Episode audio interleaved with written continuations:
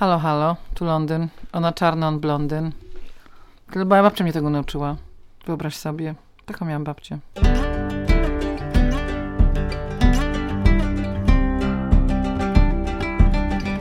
Naturalnie o ogrodach, odcinek setny.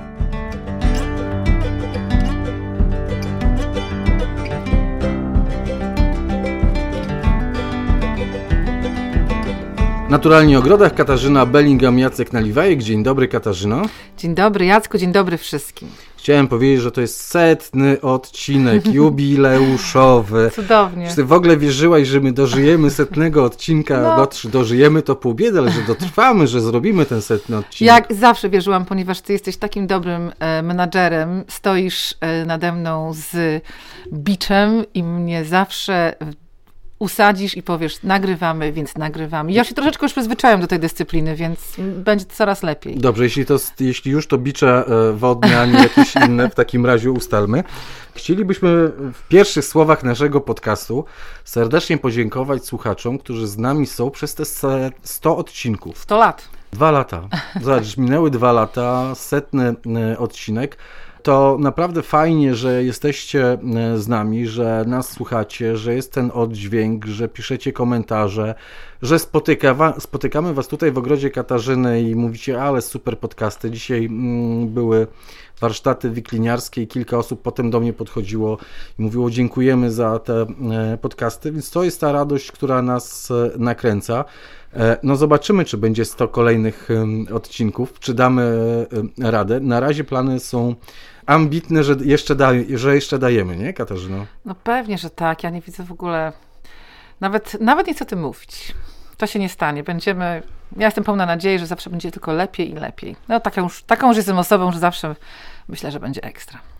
Ale ten setny odcinek skłania także do refleksji, bo mm, 100 odcinków, w których mówimy o ogrodzie. I y, warto raz na jakiś czas, więc na te 100 odcinków, czy na dwa lata, Czy na 200, czy na 500. e, zrobić sobie taki rachunek sumienia, o czym my tak naprawdę mówimy, o jakim ogrodzie my mówimy, dokonać takiej autorefleksji, przewartościować, zredefiniować pewne e, być może e, pojęcia i powiedzieć, jaka jest nasza filozofia, e, jaki jest ten ogród, o którym my rozmawiamy, o którym e, myślimy, tak? E, Nazywaliśmy odcinek Ogród przyjazny naturze, no bo o takim ogrodzie mówimy chyba. Ja myślę, że przede wszystkim ogród, który jest przyjazny dla natury, może my sobie nie zdajemy z tego sprawy, ale to jest na pewno przede wszystkim ogród, który jest najlepszy dla nas. Dlatego jednak chyba warto go wybierać, bo jednak dbamy o siebie, o swoje rodziny. I nawet, y, tak jak mówię, nie, nie zdajemy sobie sprawy, ponieważ może nie wiemy nawet, nie możemy zrozumieć, dlaczego czujemy się w takim ogrodzie lepiej. Ale chyba wszyscy ludzie oryginalnie są, mają taką, taką intuicję, że jednak lepiej się czują, kiedy wiedzą, że i oni, i to wszystko, co ich otacza, współgra. Mhm. Ale co znaczy przyjazny naturze w takim razie?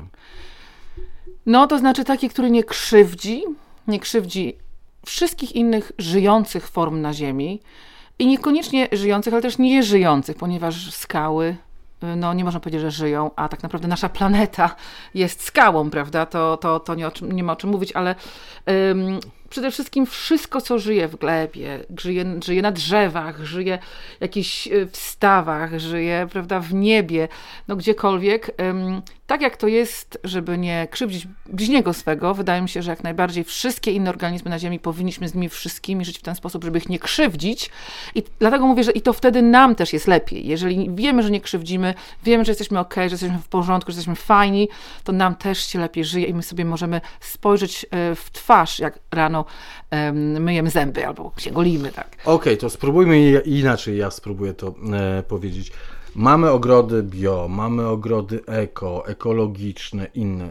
Jaki jest ten ogród nasz? Eko, bio, tak, jest dużo takich nazw, prawda? No, organiczny. Ja najbardziej lubię po prostu e, może, wiesz Jacku, ja myślę, że to jest najlepsze sformułowanie dla mnie, ten przyjazny naturze.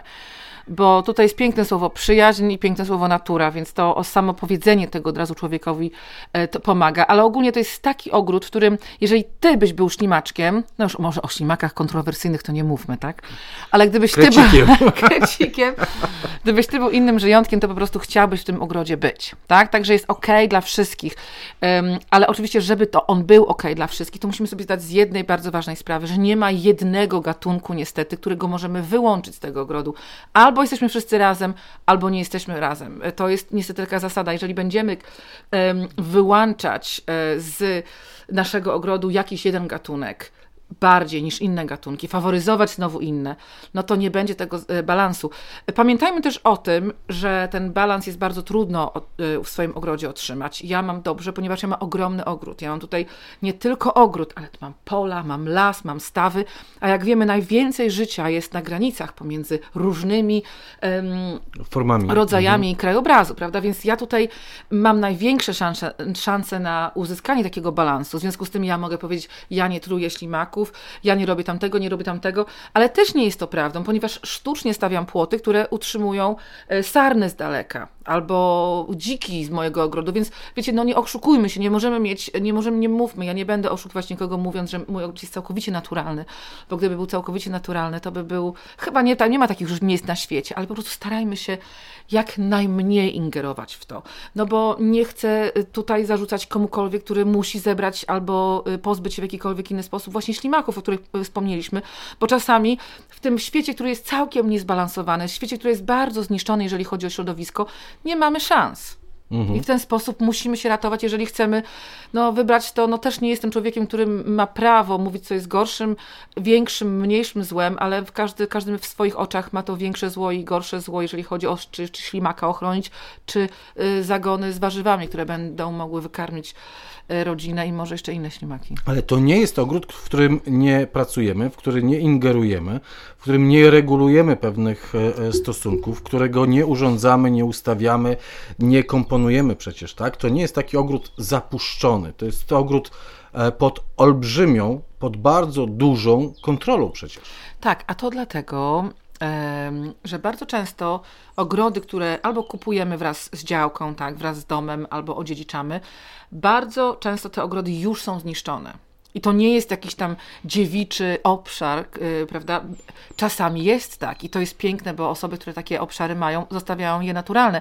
Ja osobiście tutaj mam 7 hektarów yy, ziemi prawie, tam bez kilku metrów, ale mój ogród, który i tak według mnie jest wystarczający dla nas, y, jeżeli chodzi o pracę, jeżeli chodzi o zbieranie warzyw czy owoców, jest na malutkie części tego. Cała pozostała y, strona naszego ogrodu czy naszej ziemi jest pozostawiona naturze.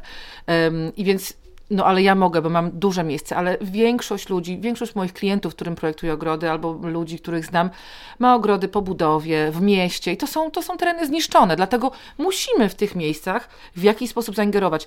I, no i właśnie tutaj y, polega to, ten cały cała mądrość polega na tym, jak to zrobić bez zbyt dużej inwazji, biorąc pod uwagę, że musimy przecież coś zrobić. I to jest pewnie najtrudniejsze, dlatego słuchacie nas, dlatego um, pytacie nas wiele, wiele rzeczy. Czasami takie rzeczy, które dla nas wydają się oczywiste, a dla was niekoniecznie, no ale to jest normalne, bo my, szczególnie ja to, tymi ogrodami żyję. Y, to jest dla mnie codzienność i i to jest dobre, żeby pytać o każde, nawet najgłupsze pytanie. Oczywiście bardzo byśmy chcieli, żebyście najpierw przesłuchali dokładnie nasze 100 podcastów, e, ponieważ dużo pytań dostajemy, ale ważne jest, żebyście się nie bali zadawać jednak tych pytań. Mhm. Dobrze, to pójdźmy takimi rozdziałami e, e, po tym ogrodzie przyjaznym naturze. I pierwszym takim rozdziałem będzie gleba. I bardzo często w swoich podcastach mówimy o tej glebie. Opowiadasz o życiu w glebie, jak jest ważne to życie w glebie glebie, e, jak należy wzbogacać to życie w glebie, ale spróbujmy zdefiniować, czym jest gleba dla ogrodu. Gleba dla ogrodu jest najważniejsza. Tak, to nie ma w ogóle o czym mówić.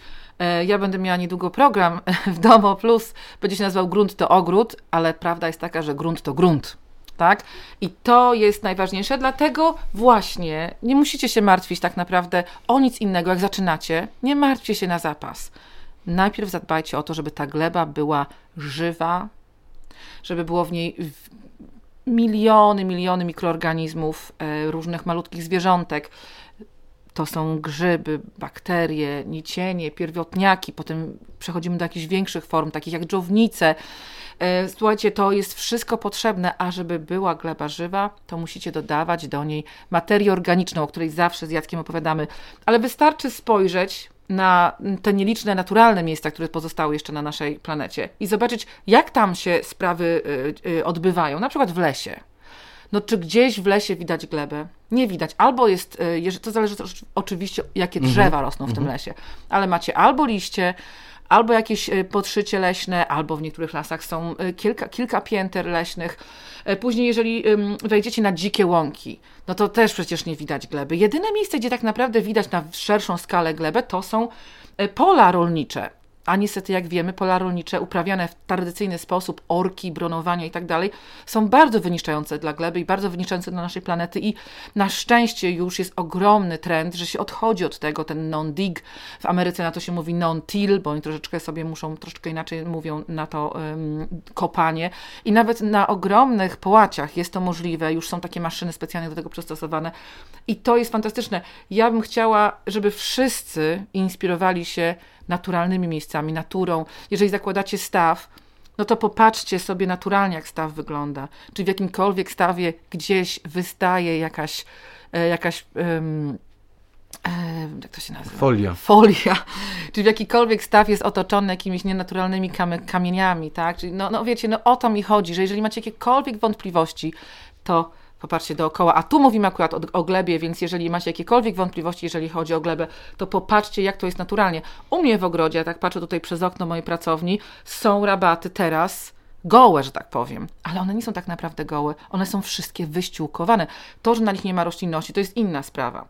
Roślinność też jest pewnego rodzaju ściółką, ale tutaj już ściółkowanie jest załatwione tym, że tutaj mamy kompost, albo ziemię liściową, albo przekompostowane zrębki, czy, e, czy kole, tak? Czyli to jest wszystko ubrane. A jeżeli nie będziecie dbać o glebę, jeżeli będzie wyjałowiona, jeżeli będzie kiepska, to zawsze, no chyba, że macie piasek jak w piaskownicy, a nawet i tam w końcu coś wyrośnie, to ziemia sama będzie się w końcu ratowała, to, to podłoże będzie samo się ratowało i w końcu wszystko zarośnie na zielono, bo chwasty też są swego rodzaju ściółką. Mhm. Powiedziałeś o mm, e, kompoście, to ta chyba najcenniejsza materia, którą możemy dać i sami wyprodukować e, do mm, e, własnego ogrodu i ten kwietniowy podcast Kwiecień w ogrodzie ekologicznym kończyliśmy apelem, że, że koniecznie, koniecznie musicie zacząć produkować własny kompost, bo to jest ta rzecz, której nie zastąpicie niczym innym tak naprawdę. Tak. I nawet, y, nawet najmniejszej ilości. Prawda? Nie musicie mieć ogromnych y, jakichś tam y, ton, tak? Bo to, to nie o to chodzi. To jest już luksus. I na szczęście możemy, bo w wielu miejscach można to kupić z, z lokalnych zakładów utylizacji śmieci. Ale to, co stworzycie sami, ten kompost jest najlepszy. Możecie sami kontrolować i jakie materiały tam idą. I zawsze powtarzam z Jackiem, jak im większa mikstura tych materiałów, które kompostujecie w kompostowniku, tym bardziej wartościowy będzie kompost. W jednej łyżeczce kompostu są biliony, miliony, tryliony organ, mikroorganizmów. Sobie nie wyobrażacie tego. I tylko dzięki temu, że przez ostatnie kilkadziesiąt lat mamy tak niesamowite y, urządzenia, jak na przykład mikroskop elektronowy, tak to się po polsku chyba nazywa, to możemy zajrzeć do tej gleby. Możemy zobaczyć, co tam się dzieje. I to jest fascynujące. I dzięki temu wreszcie ludzie zrozumieli, co tak naprawdę jest dla niej dobre i na przykład nie jest dobre to przekopywanie. Tylko y, ściółkowanie a jak nie możecie wyściółkować, to tak naprawdę wystarczy dodać chociażby troszeczkę tego kompostu.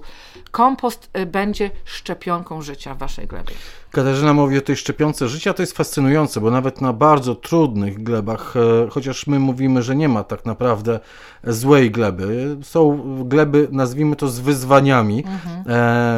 e, nie ma, nie ma tej, tej takiej gleby, której byśmy odrzucili, no chyba, że skała, ale na skalę też się da zrobić, bo Katarzyna zakłada w Wielkiej Brytanii ogród na skalę, skalę w związku z tym na skalę też da się uprawiać e, e czy to rośliny ozdobne, e, czy to e, warzywa, ale mówię o tym, że są trudne e, gleby, takie jak chociażby, nie wiem, ciężka e, glina albo zwykły e, piasek i dodanie trochę materii organicznej, ściółkowania, e, pobudza tę glebę do życia. Ona odzyskuje życie, ona poprawia się. Tam zaczynają rzeczywiście pojawiać się te mikroorganizmy. Nie wiadomo skąd, nie wiadomo skąd w takim piasku pojawiają się dżdżownice, które zaczynają pracować i naprawdę nie trzeba wielkiego wysiłku, żeby no, troszeczkę cierpliwości, żeby po pewnym czasie. A cierpliwość zawsze w życiu się przydaje. Szczególnie w ogrodnictwie, tak. Mm, żeby po pewnym czasie po prostu ta gleba zaczęła żyć swoim własnym, naturalnym życiem. To chyba jest spowodowane tym, że my po prostu nie widzimy tych mikroorganizmów i trudno nam jest wyobrazić sobie, że coś może się zdarzyć niesamowitego bez naszej ingerencji.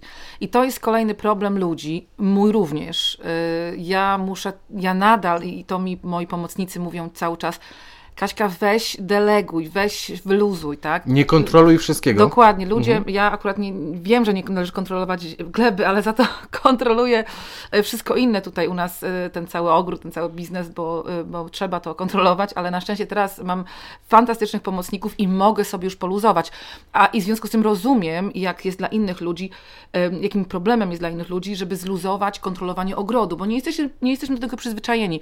Zawsze nam wpajano, że my musimy kupić ten nawóz, żeby tą roślinę uratować, my musimy kupić ten gadżet, my musimy to zrobić, tamto, siamto. Musimy, jedną rzecz musimy robić tak naprawdę na świecie. Oddychać i wyluzować się, tak? Bo bez tego nie przeżyjemy, a cała planeta fantastycznie bez nas przeżyje. W związku z tym e, trzeba troszkę tak odejść na bok, zatrzymać się i pomyśleć, co jest tak naprawdę ważne i czy musimy w jakikolwiek sposób wywierać to piętno nasze ludzkie na glebie, bo już chyba wystarczająco żeśmy to zrobili um, i teraz już jesteśmy w takim um, momencie rozwoju ludzkości, że wielu z nas rozumie, jak to tak naprawdę działa i to jest super. Okej, okay, to, nie, to jeśli piętno, to niech będzie to pozytywne e, piętno, czyli co robimy? Nie kopiemy, ściółkujemy siłkujemy kompostem, przekompostowaną e, materią, mówiłaś o zrębkach, obornika możemy e, przekompostowanego tutaj także dołączyć do tego e, zestawu, przekompostowaną korą. Przekompostowaną materią ściółkujemy i nie przekopujemy. I tak naprawdę ta gleba powinna się obudzić, jeśli jest jeśli jest zaniedbana ta gleba. Tak, ale jeżeli macie piękną glebę, którą niektóre osoby na pewno mają, to też warto to kontynuować. I takie zabiegi proste, jak w ogrodzie, na przykład, no my mamy szparagi na przykład, taki fajny, y, taki fajny przykład. Po całym sezonie szparagi są dosyć wysokie, mają około nawet i, i z 1,70 m y, wysokości. I ta, bo szparagi są rośliną blinową, wieloletnią, której korzeń tylko przeżywa prawda, z roku na rok, a cała ta część nadziemna umiera. Więc fantastycznym pomysłem jest, fantastycznym pomysłem jest to, żeby po prostu też paragi tą górną część jesienią ścinać, układać na tych samych zagonach, gdzie też paragi sobie rosną i one niech sobie, niech się rozkładają i to będzie ich taka kontrybucja y, do, mm, do tego życia gleby. Ja wiem, że troszeczkę, i to, to też musicie pamiętać, jeżeli wszyscy, którzy się fascynują permakulturą, którzy się fascynują ogrodnictwem Angiel, w Anglii, e, musicie pamiętać o bardzo ważnych rzeczach. My mamy zupełnie inny klimat, my mamy zupełnie inny kraj, e, więc przede wszystkim zimy tak? Bo jeżeli chodzi o wiosnę, lato i jesień, to nie jest wielki, taki wielki problem, bo w Anglii również po 15 maja teoretycznie nie powinno być przymrozku, więc tak samo oni muszą czekać do 15 maja, ale zima jest tym wielkim, wielkim um, momentem, kiedy my jesteśmy inni. E, ja tak mówię permakultura, mhm. ponieważ um, sama permakultura i pochodzi z australijskich um, klimatów, z Australii i dużo osób o tym zapomina i, i to też jest ważne, żeby wszystko to do, do nas e, dopasować. Między innymi to, że rozkładanie takiej ściółki przez zimę u nas w Polsce nie będzie przebiegało tak, jak przebiega w Anglii na przykład. O Australii w ogóle nie wspominam, bo nie ma w ogóle zimy o innej porze roku niż my. Więc wykluczam Australię teraz, ale mówię o Anglii. Słuchajcie, w Anglii nie ma śniegu y, na ziemi przez tyle miesięcy, nie ma minus 20 stopni przez taki długi czas. I jeżeli mm, my mamy taką sytuację, to nasze ściółki się inaczej będą rozkładały na zagonach. Pamiętajmy też o tym, nie, oczeku, nie oczekujmy tego, co Anglicy Wam pokazują na vlogach czy na jakichś, w jakichś książkach, tak? Bo to się widzi w lasach, prawda? Te lasy są, na przykład w tym roku to, to bardzo dobrze widać, bo tyle czasu był śnieg. I liście, i również w moim ogrodzie leśnym, który był wyściółkowany liśćmi, te liście się nie rozkładają tak, jakby się rozkładały w Anglii, gdzie jest wilgotno, zimno, ale nie tak jak tu. Całkiem zamrożone i przybite, bo wtedy wszystkie procesy życiowe tych mikroorganizmów się zatrzymują. One schodzą do głębszych e, części gleby i na górze się nic nie rozkłada. Musimy o tym pamiętać.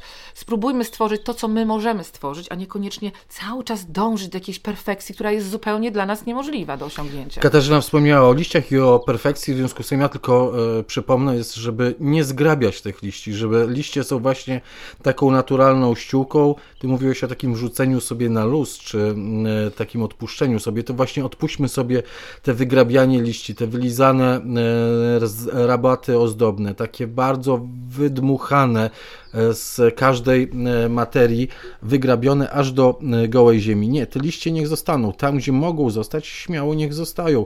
Na rabatach e, takich leśnych, półdzikich, innych strawników to także możecie usuwać, oczywiście, ale pozostałe po co? Po co niech one zostają? Nie będą takie jak w lesie, niech powoli się rozkładają. Przez zimę się rzeczywiście słabo rozkładają. Ale czasami zimy są ale jesienią już kolejnego roku tych liści prawie nie ma. One po prostu zamieniają się w taką brązową, piękną, pięknie pachnącą, e, porośniętą wieloma grzybami e, materię. Więc e, gleba, gleba jest najważniejsza, a drugim takim punktem, o którym musimy powiedzieć, o którym bardzo często także mówimy, to jest ogród bez chemii. Bez chemii, bez nawozów sztucznych, bez środków ochrony roślin. Jeżeli chcemy utrzymać jakikolwiek ogród z żywą glebą, to nie możemy używać chemii. I tu mówimy o nawozach sztucznych. Pamiętacie, to też jest chemia. E, I niestety, ale w naszych sklepach, i zresztą nie tylko w Polsce, ale tak jest wszędzie na świecie, większość nawozów to są nawozy sztuczne. Także e, to nie jest tak, że będzie 50% taki, 50% taki, dlatego musicie czytać, co jest na tych etykietach napisane bardzo, bardzo, bardzo szczegółowo. To są ogrody bez oprysków, chwastów, bez oprysków owadów, bez oprysków przeciwko chorobom grzybowym na drzewkach. No tak, to się może komuś wydawać, że to jest jakieś trudne, ale ja nie wyobrażam sobie używania chemii w ogrodzie, ponieważ dla mnie chemia jest tak skoncentrowana.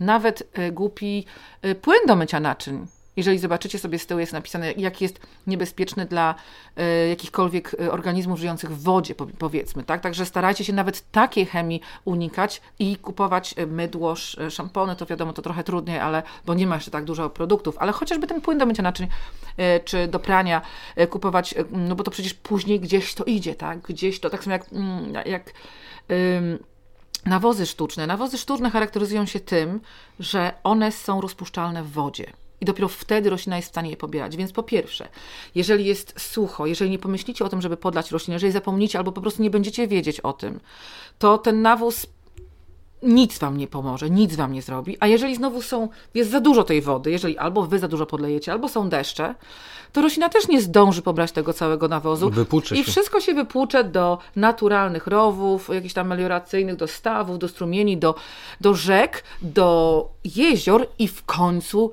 do mórz i oceanów. To wszystko jest połączone i to jest właśnie takie bardzo ważne, żebyśmy pamiętali, cokolwiek dzieje się w waszej pralce czy w waszym ogrodzie, kończy się w oceanie.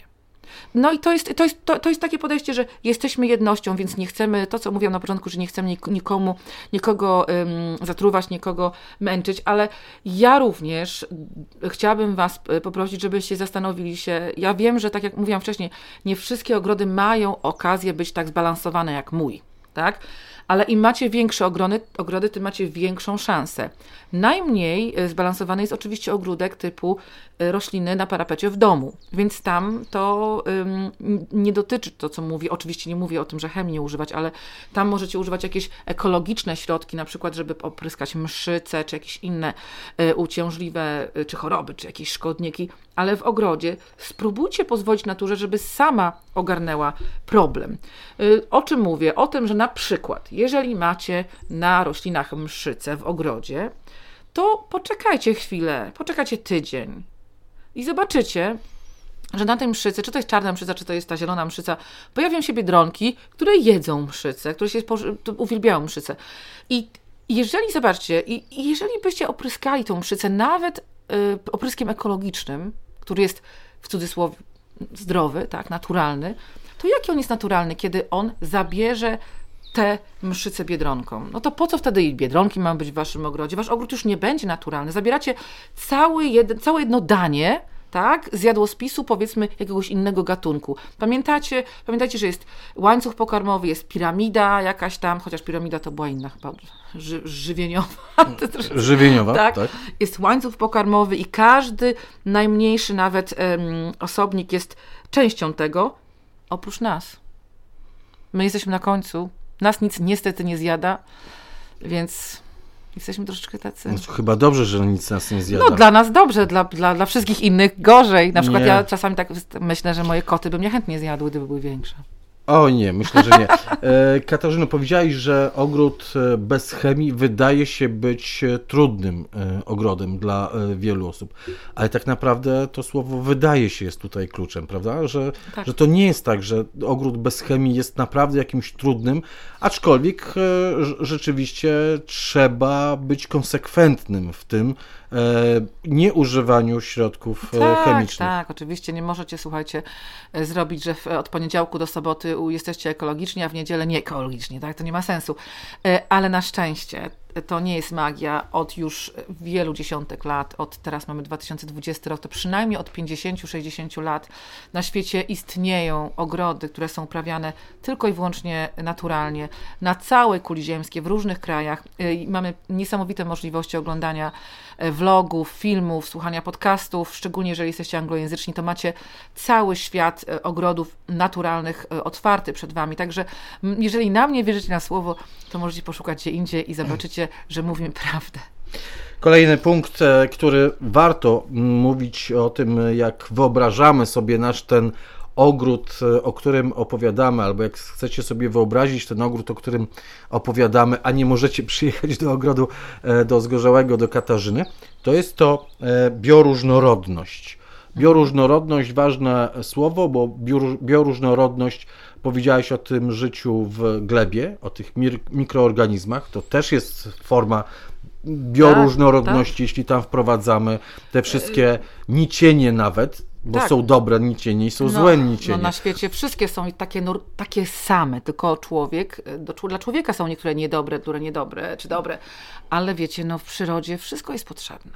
Ale bioróżnorodność e, to jest bioróżnorodność zarówno ta roślinna, że dużo różnych gatunków e, roślin wprowadzamy, ale także wprowadzamy do ogrodu albo zapraszamy do ogrodu, nie wyrzucamy z tego ogrodu wielu stworzeń, wielu żyjątek, stwarzamy im e, warunki. To także jest bioróżnorodność, ale zacznijmy od tej bioróżnorodności roślinnej. To znaczy, jeśli mamy ogród, to co? Im więcej, tym lepiej? Tak. Im więcej, tym lepiej. Jeżeli im większy ogród, oczywiście, tym mamy większe możliwości. E, po pierwsze, im większe ilości różnych gatunków, nawet mieszanie warzywników, warzyw, kwiatów, ziół, e, bo przecież można, można i to wygląda pięknie. To jest jedna rzecz, ale też jeżeli macie większy ogród, to możecie się postarać o bioróżnorodność, która będzie wynikała z tworzenia różnych zon, tak? Stref to jest to, o czym mówiliśmy na początku, czyli e, jakaś, jak, jak, jakaś zona, jak się mówi po polsku? No, strefa. Strefa na przykład strefa właśnie, gdzie jest trawa, potem strefa, gdzie jest dłuższa trawa i, i, i łąka, e, na przykład w sadzie, na przykład. Potem macie może ogród leśny, gdzie jest kilka drzewek, które zacieniają. E, może macie rabaty preriowe albo jakieś rabaty bylinowe, mieszane. Może macie staw, oczko, może nawet jakiś taki obszar, gdzie jest ogród, który jest wyściółkowany otoczakiem.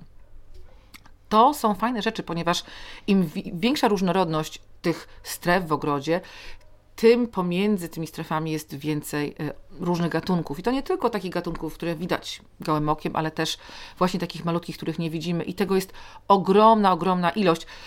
Ale to też tyczy się tego, co wkładacie do kompostu później. To wszystko, tak jak mówię, to jest łańcuszek. Wszystko wynika z czegoś i potem się Wam odwdzięcza, jeżeli macie więcej roślin w ogrodzie, to potem macie więcej materiału na kompost, więcej materiału w kompoście oznacza więcej mikroorganizmów w kompoście, więc wasza gleba będzie o tyle e, żywsza. Dlatego starajcie się mieć mniej tego samego gatunku, na przykład nie mieć całego pola marchewki, No tylko, bo ileż też marchewki można zjeść? No, ta, tak tradycyjnie, no, ta marchewka rosła też do takich ogromnych rozmiarów. W dzisiejszych czasach my z Jackiem ile dwa do trzech plonów marchewki spokojnie zmieszczamy w jednym sezonie. Także możecie podróżować po tych ogrodach z warzywami, z, z, roślinami ozdobnymi. Możecie też w pewien sposób wymieszać te, te, te gatunki na tym, w tym samym, tej samej części ogrodu, ale najważniejsze jest to, żebyście mieli dużo różnych roślin, żeby kwitły wiosną, żeby kwitły latem, żeby owocowały później latem, jesienią, żeby nie były wszystkie, powiedzmy, tuje, no bo nie będzie tak bardzo atrakcyjne. Jak na przykład będziecie mieli jedną tuję, a resztę będziecie mieli krzewy, które kwitną. No, to jest ta, ta właśnie różnorodność, ale to także ogród, który e, zaprasza. Mamy niestety zbyt e, często w tej chwili bardzo zdegradowane e, środowisko, nieprzyjazne dla owadów, ptaków, płazów, gadów czy, czy małych e, ssaków. E, choćby murarki ogrodowe, tak? Widzę, że u Ciebie się obudziły już, e, samce już czyhają na samice, u mnie jeszcze nie obudziły się, jeszcze wszystkie śpią, ale kiedyś, kiedyś mieliśmy domy budowane z drewna, mieliśmy ściany wykładane gliną, z, tak, zmieszane o, ze słomą, tak? Mieliśmy mm, dachy kryte e, tutaj na Pomorzu przecież bardzo często trzciną, no bo na Pojezierzu Kaszubskim dużo jezior, dużo trzciny, w związku z tym kryto trzciną i były te naturalne warunki dla tej mm. murarki ogrodowej, dla pszczół samotnych, dla, mhm. dla owadów, które e, tutaj żyły. W tej chwili, no już nie mówię o takim ogrodzie, o którym mówisz, że są tuje i trawnik krótko przystrzyżony, ale mamy dobre elewacje, dobre, dobre dachy, mamy zabezpieczone dachówki, żeby tam wróble nigdzie nie właziły przecież, tak? tak? na Te wszystkie lat. siatki, mhm. E, to, wszystko, to wszystko w tej chwili mamy i, i e, te wszystkie owady, które były do tej pory pospolite, te ptaki, które e, nam towarzyszyły, no nie mają swojego miejsca. W związku z tym my zapraszamy albo powinniśmy zapraszać tworząc właśnie taką bioróżnorodność do naszego ogrodu. Myśleć o tym, że nasz ogród jest także przystanią dla tych wszystkich małych czy większych zwierzątek. To budowanie hotelików, to mhm. wieszanie budek e, dla ptaków, tak? To zostawianie pewnej części e, ogrodu, e, części ogrodu dzikiej, dzikiej, tak. czyli takiej nienaruszonej. To jest kolejny tak. punkt, taka dziki zakątek w ogrodzie, żeby tę biuro, bioróżnorodność utrzymać, żeby tę bioróżnorodność pobudzić, wzbogacić, Koniecznie. to powinniśmy mieć ty masz duży, y, mówisz prawie 7 hektarów. Możesz zostawić część swojego mhm. ogrodu dziką, bez ingerencji e, nadmiernej albo zbyt częstej mhm. e, twojej czy, czy e, osób, które tutaj e, pracują. A my w ogrodzie, a my w ogrodzie też możemy to stworzyć. Jak najbardziej. Ja myślę, że fajnie jest mieć przy samym domu, przy powiedzmy tarasie, czy przy wejściu do domu, oczywiście bo to jest część reprezentacyjna, coś bardziej formalnego, coś bardziej, które możemy kontrolować, chociaż też można jak najbardziej tam zrobić rabaty, które są pełne bioróżnorodności, tak? ale w pewnym sensie będą kontrolowane, będą miały ładne krawędzie, może tutaj jakiś ładny trawniczek, jakaś ładna e, ścieżka, ale im dalej się oddalamy od tego, od tego, od tej części, w której mieszkamy, i to w ogóle jest super e, pomysł na projekt każdego ogrodu, bo to zawsze się, to zawsze zdaje egzamin, to zawsze ładnie wygląda. Im bardziej się oddalacie od domu, i ja nie mówię o wielkich hektarach, ja mówię nawet o działkach, które mają 500 metrów, 300 metrów, 1000 metrów, bo często takiej wielkości są działki. Słuchajcie, im dalej się oddalacie, tym głupcie tą kontrolę. Wyluzowujcie się, tak? Posadźcie w dalszej... W cudzysłowie zaniedbujcie swój tak, ogród. dokładnie. Posadźcie w dalszej, takiej w środkowej części powiedzmy działki, posadźcie jakiś sad w dzikiej łące.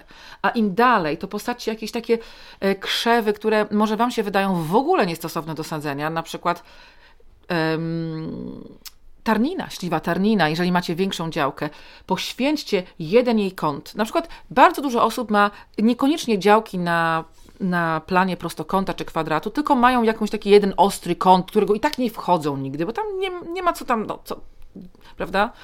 E, no, czemu ten ostry kąt nie obsadzić na gęsto właśnie na przykład tarniną? Słuchajcie, tarnina jest tak fajnym drzewem, krzewem właściwie, to jest śliwa tarnina, pięknie kwitnie na wiosnę, kiedy jeszcze niewiele będziecie mieli w tym ogrodzie pomiędzy sobą a tą dalnią częścią działki. Zobaczycie gdzieś, zobaczycie gdzieś w dali taką chmurkę białych kwiatów, bo ona kwitnie, jak zresztą wiele śliw, zanim e, wytworzyliście. a później zapomnimy o nich, dlatego będziemy mieli więcej kwitnących y, roślin bliżej domu. A tam będzie gęstwina, w której będą mogły się skrywać na przykład ptaki. One tam będą mogły się czuć bardzo bezpiecznie, ponieważ żaden duży drapieżnik ich nie złapie, żaden kot tam im nie wlezie, no bo wiadomo, tarnina jest kująca. A jeszcze w dodatku będzie to bogato owocowało dla nich.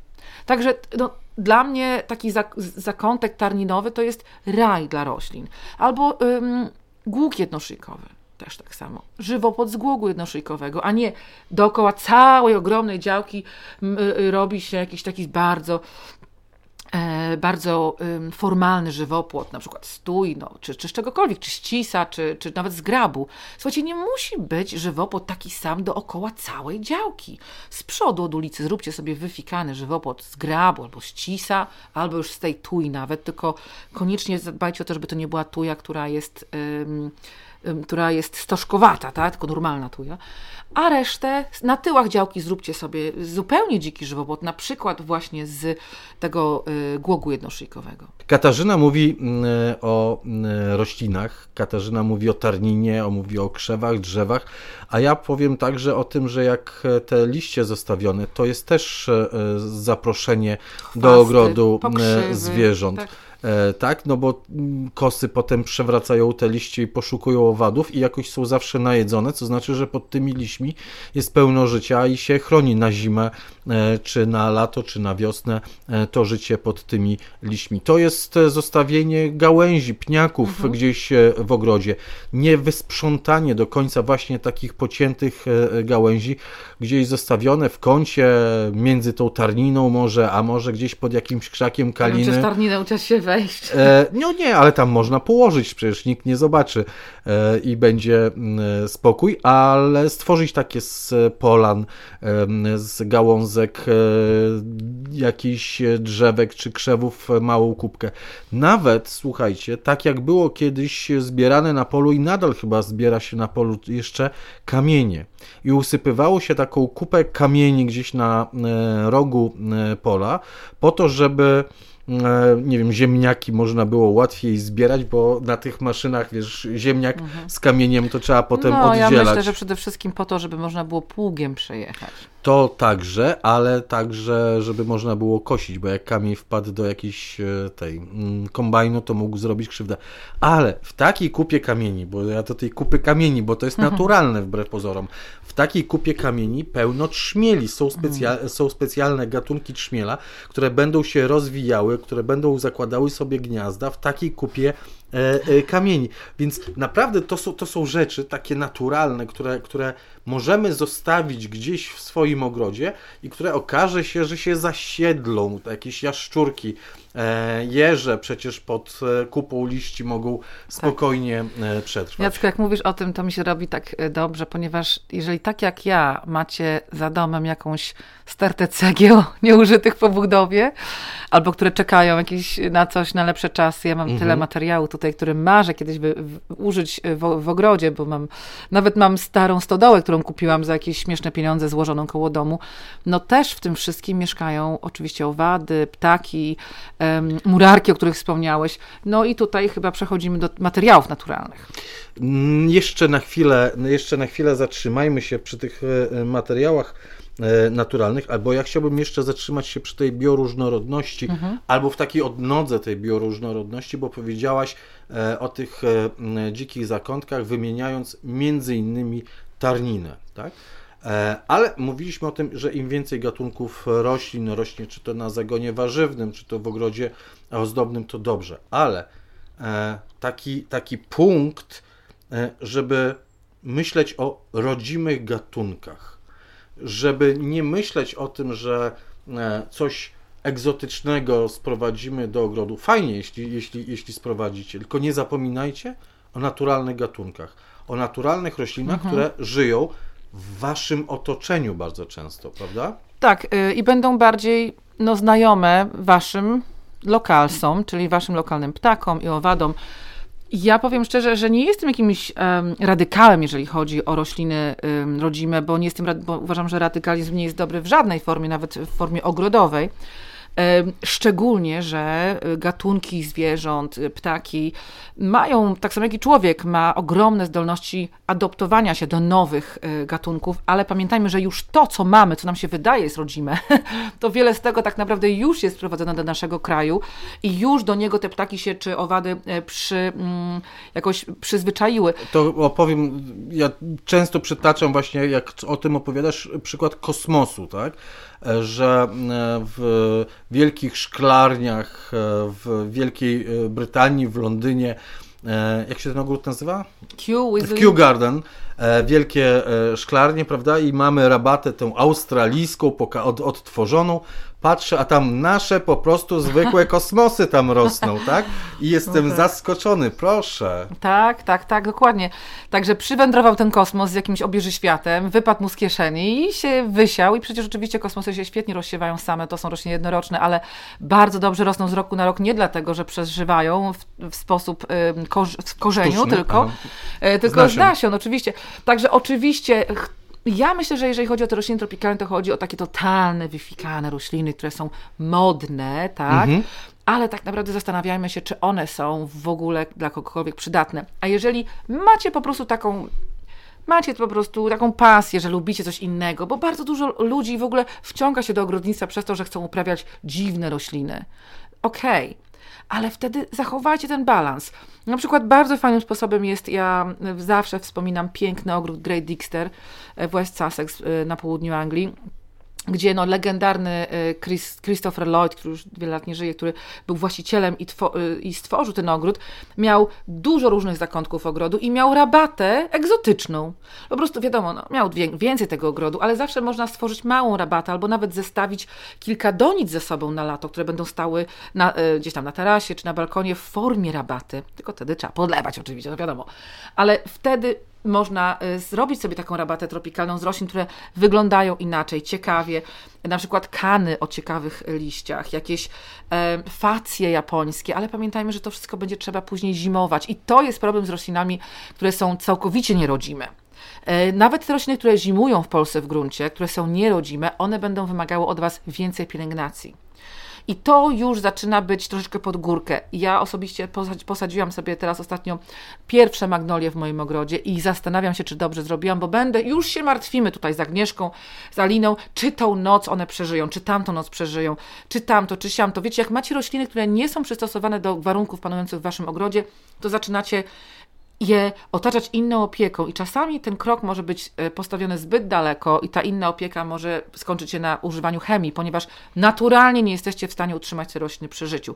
Tak jak na przykład kędzierzawość liści na brzoskwiniach no trzeba prysnąć na wiosnę, coś tam Jak się liście rozwijają. Tak, tak. Mhm. No nie, no nie prysnę, no nie prysnę. Mam trzy takie brzoskwinie i robię co mogę. I po prostu na szczęście mam tunel nieogrzewany.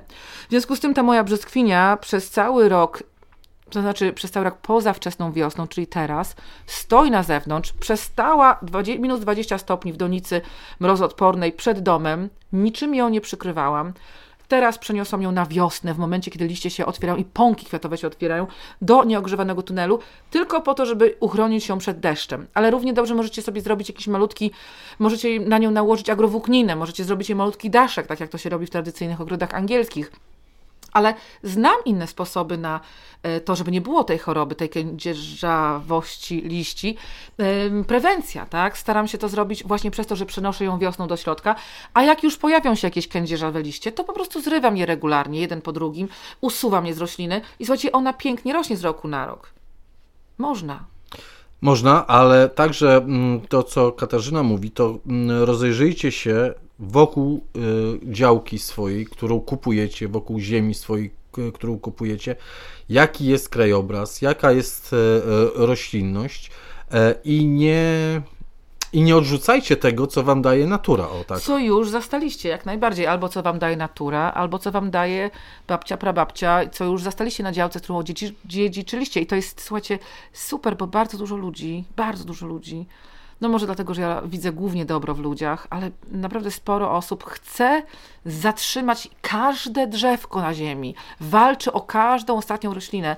E, jeżeli y, mają jakieś stare jabłonki, to wszystko chcą zrobić, żeby przywrócić je do życia. I, i to jest właśnie super, jeżeli chodzi o nie tylko ogrody, ale też o architekturę, ponieważ tak jak Jacek wspomniał, te stare domy też są o wiele bardziej przyjazne dla owadów i ptaków. Katarz Katarzyno, tak, po, powoli, powoli e, będziemy sumowali. Jeszcze dwa zagadnienia chciałbym, żebyśmy e, krótko e, powiedzieli, ale dwa zagadnienia, które się łączą bardzo mocno ze sobą. To torf i woda. E, bo e, my od samego początku, może bardzo intensywnie w tym roku, przy okazji wysiewów, tak, i przy okazji szukania ziemi do wysiewów, Mówimy o torfie, mówimy o tym, żeby jak najwięcej starać się oszczędzać tego e, torfu.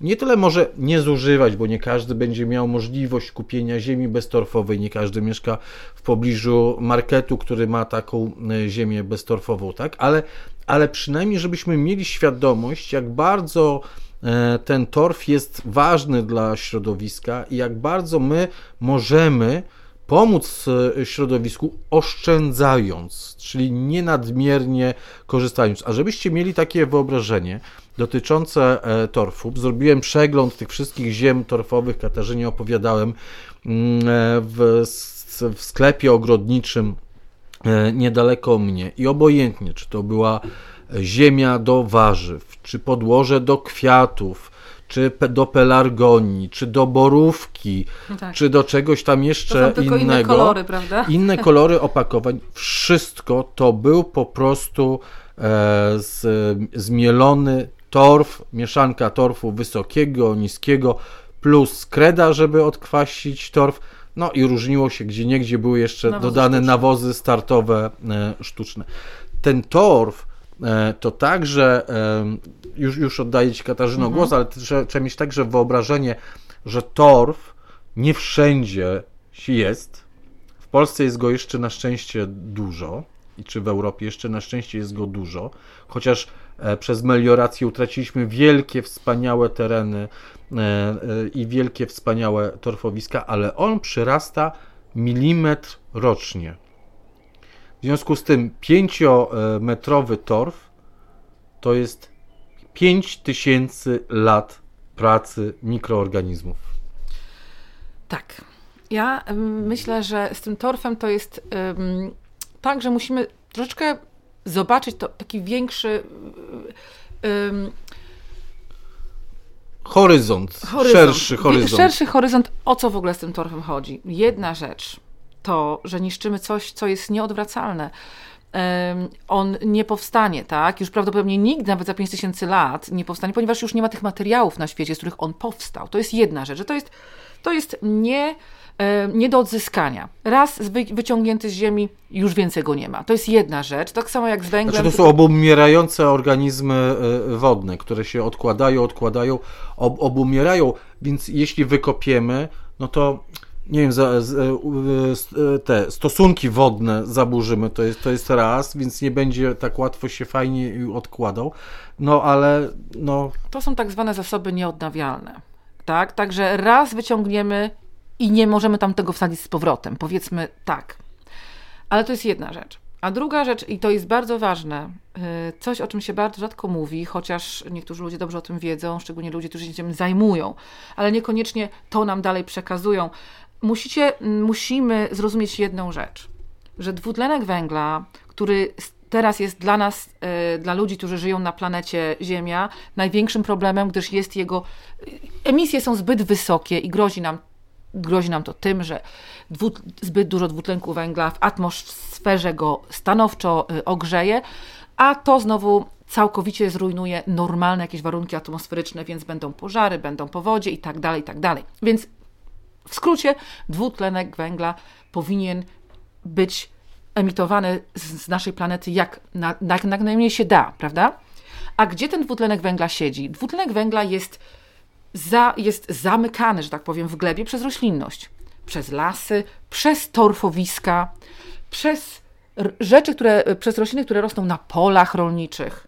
rośliny wszystkie cały czas to przerabiają, że Chłoną. chłoną dwutlenek węg- węgla z powietrza i go zostawiają, zamykają go w glebie. I to jest piękna rzecz. W związku z tym my, wydobywając torf, tak, wy, orząc glebę, wydobywając węgiel, no, przy węglu jeszcze są inne gazy, które są bardzo szkodliwe dla atmosfery, ale ja tu mówię o, o CO2.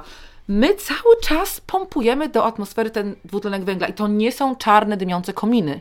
Zapomnijmy o tym. To jest przeorywanie, przeoranie gleby i to jest właśnie wydo, wydo, wydobywanie tego torfu na ogromną skalę. My nie mamy w Polsce takiej wielkiej produkcji tego torfu, ale kraje nadbałtyckie, kraje byłe, byłe Republiki Związku Radzieckiego nadbałtyckie, Irlandia. Słuchajcie, to po prostu są ogromne hektary, setki hektarów torfu, który został wydobyty. No i Gdybyśmy tego nie robili, gdybyśmy wszyscy skoncentrowali się na tym, żeby nie kupować podłoża torfowego, albo chociaż pół tego, co kupiliśmy w zeszłym roku, albo chociaż o jeden worek mniej i stworzyć jakieś inne podłoże, na przykład albo kupić beztorfową, albo zrobić swój własny kompost, albo ziemię liściową, bo o tym też mówiliśmy Wam wiele razy, jak możecie sobie swoje własne mieszanki zrobić. Czyli albo starajcie się nie kupować tej ziemi torfowej, albo starajcie się jak możecie promować jak najbardziej system bez przekopywania i to na każdą skalę. Na system nieprzekopywania w waszym ogródku, ale też na system nieprzekopywania na skalę rolnictwa, gospodarki światowej. Nie musicie zmienić świata, ale bądźcie tego świadomi. Bo gdybyśmy tylko to zmienili, to byśmy nie musieli nic innego zmienić i nasze emisje CO2 byłyby bezpieczne. Zmieniajmy siebie, niekoniecznie świat, bo zmieniając siebie możemy zmienić świat.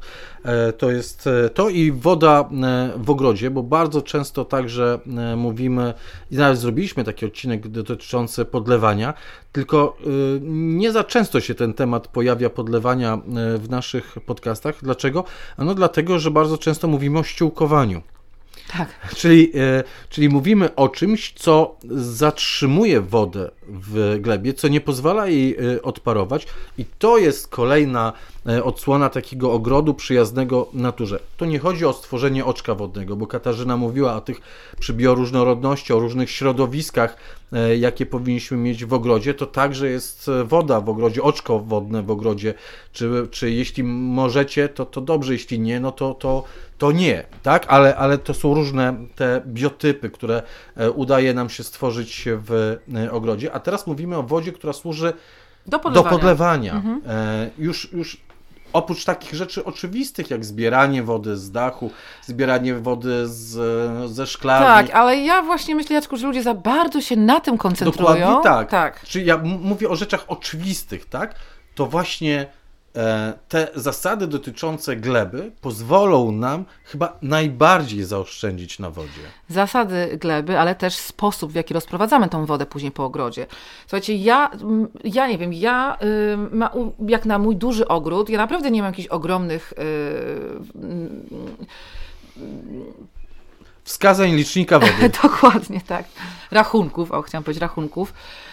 I dziwi mnie to, jak najważniejszą rzeczą dla ludzi jest właśnie takie, no niestety, no my to mamy do, no mamy do siebie, homo sapiens ma to do siebie, bardziej przeżywamy jakieś sposoby zatrzymywania deszczówki, robienia studni deszczowych i tak dalej, a zapominamy o esencji tego wszystkiego, czyli to, co coś jest ważniejsze, szczerze mówiąc, i to jest to, co zrobić na tym drugim końcu tak, tej wody, jak już ta woda leci z węża, co zrobić na, na drugim końcu tego węża, żeby ona jak najdalej, na, na, najdłużej starczyła ta woda. I tu bym chciała, żebyśmy się wszyscy skoncentrowali nie na tych gadżetach, nie na tych bajerach i tak dalej. Ja wiem, że człowiekowi jest się lepiej orientuje w beczkach deszczowych niż w tym, co jest w glebie, ale to nie jest trudne, uwierzcie mi. Dwie zasady, dwie rzeczy, o których musicie pamiętać. Rozprowadzanie ym, wody po ogrodzie powinno być, nie, nie możecie stać z wężem i czegoś polewać, tak? Więc tam, gdzie musicie, oczywiście posługujecie się konewkami, przy rozsadach i tak dalej, ale to musi być linia kroplująca. To musi być linia kroplująca, gdzie woda trafia wprost do gleby, a najlepiej linia kroplująca wyściółkowana, tak? To jest jedna rzecz, czyli ściółka idzie nad, Przykryto, tak, przykryto, nad linią mhm. kroplującą i słuchajcie, Podziemna tak, tak zwana linia i po kroplująca. prostu, jeżeli kupujecie porządną linię kroplującą, która i tak jest niedroga, naprawdę, to, są, to, są, to jest jakieś 150 zł za 100 metrów y, bieżących linii kroplującej dobrej jakości. Więc jeżeli używacie dobrej jakości rzeczy, to potem nie ma, że a coś mi się zatkało, coś tutaj, w, kamień wodny. Nie, ja nie mam takich problemów w siebie, a cała praja już jest dawno zakryta, y, jeżeli chodzi o, o... Jedyny problem to to, że czasami się coś przebije, tak? Ale to potem można łatwo naprawić. Czyli rozprowadzanie wody, które trafia wprost do gleby, Czyli w to trzeba zainwestować, a niekoniecznie zaczynać od zbierania deszczówki, tylko od tego właśnie systemu y, kroplującego, nawadniającego bo też nie musi mieć żadnych sterowników drogi, tylko po prostu kranikiem sobie odkręcacie, zakręcacie jak potrzebujecie.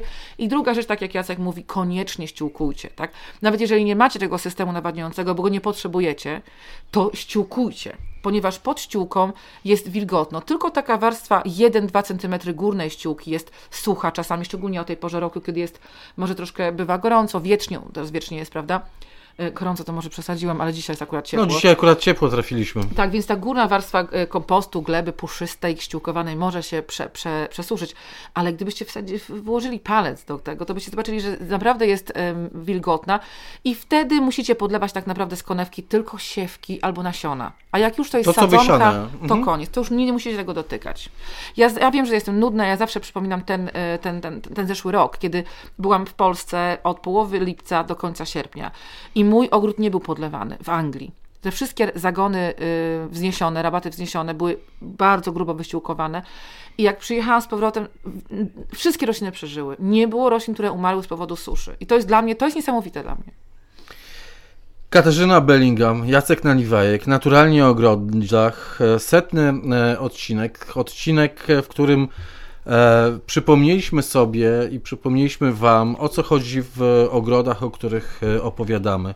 O ogrodach e, przyjaznych naturze, o ogrodach, w których jest życie w glebie, w których jest po prostu dobra gleba, nie sztucznie stworzona, ale przez nas stworzona no to też sztucznie, trochę się zaplątałem, ale właśnie przez mikroorganizmy, nie przez nawozy sztuczne, nie przez dodawanie torfu. Stworzona tam. przez naszą współpracę, prawda, tak. a nie takie sztuczne nakłanianie do zrobienia czegoś. To jest ogród e, bez e, chemii, czyli bez używania nawozów sztucznych, bez e, środków ochrony roślin. To jest ogród bioróżnorodny i bioróżnorodny w gatunkach e, roślin, ale także w gatunkach stworzeń, które... Odwiedzających Albo mieszkających. E, ja bym chciał, żeby u mnie miesz mieszkał, a nie tylko odwiedzał. Na razie odwiedza, ale i tak pierwszy krok e, zrobiony. To są ogrody, które mają coś w sobie dzik dzikiego, to znaczy przyjazne właśnie tym wszystkim e, ogrodom, e, stworzeniom, to są ogrody, w których zużywamy mniej torfu i mniej wody. To są ogrody po prostu przyjazne e, naturze. Taki ogród chcemy Wam mm, zaszczepić w sercach. Ta, o takim ogrodzie chcemy opowiadać. To co? To za tydzień 101 odcinek. Tak, już będziemy bardzo, porządnymi staruszkami. A za dwa tygodnie y, ten Rudy, tak? 102. Rudy 102. Katarzyna Bellingham, Jacek Naliwejek. Dziękuję Ci Katarzyno Dziękuję za te 100 odcinków. Tak, dziękuję bardzo. Bardzo fajnie mi się tutaj to wszystko zawsze nagrywa. Jest to wielka radość i nawet jak jestem zmęczona na początku, to potem się mocno rozkręcę i żal kończyć, ale trzeba. Do zobaczenia, do usłyszenia. Do usłyszenia.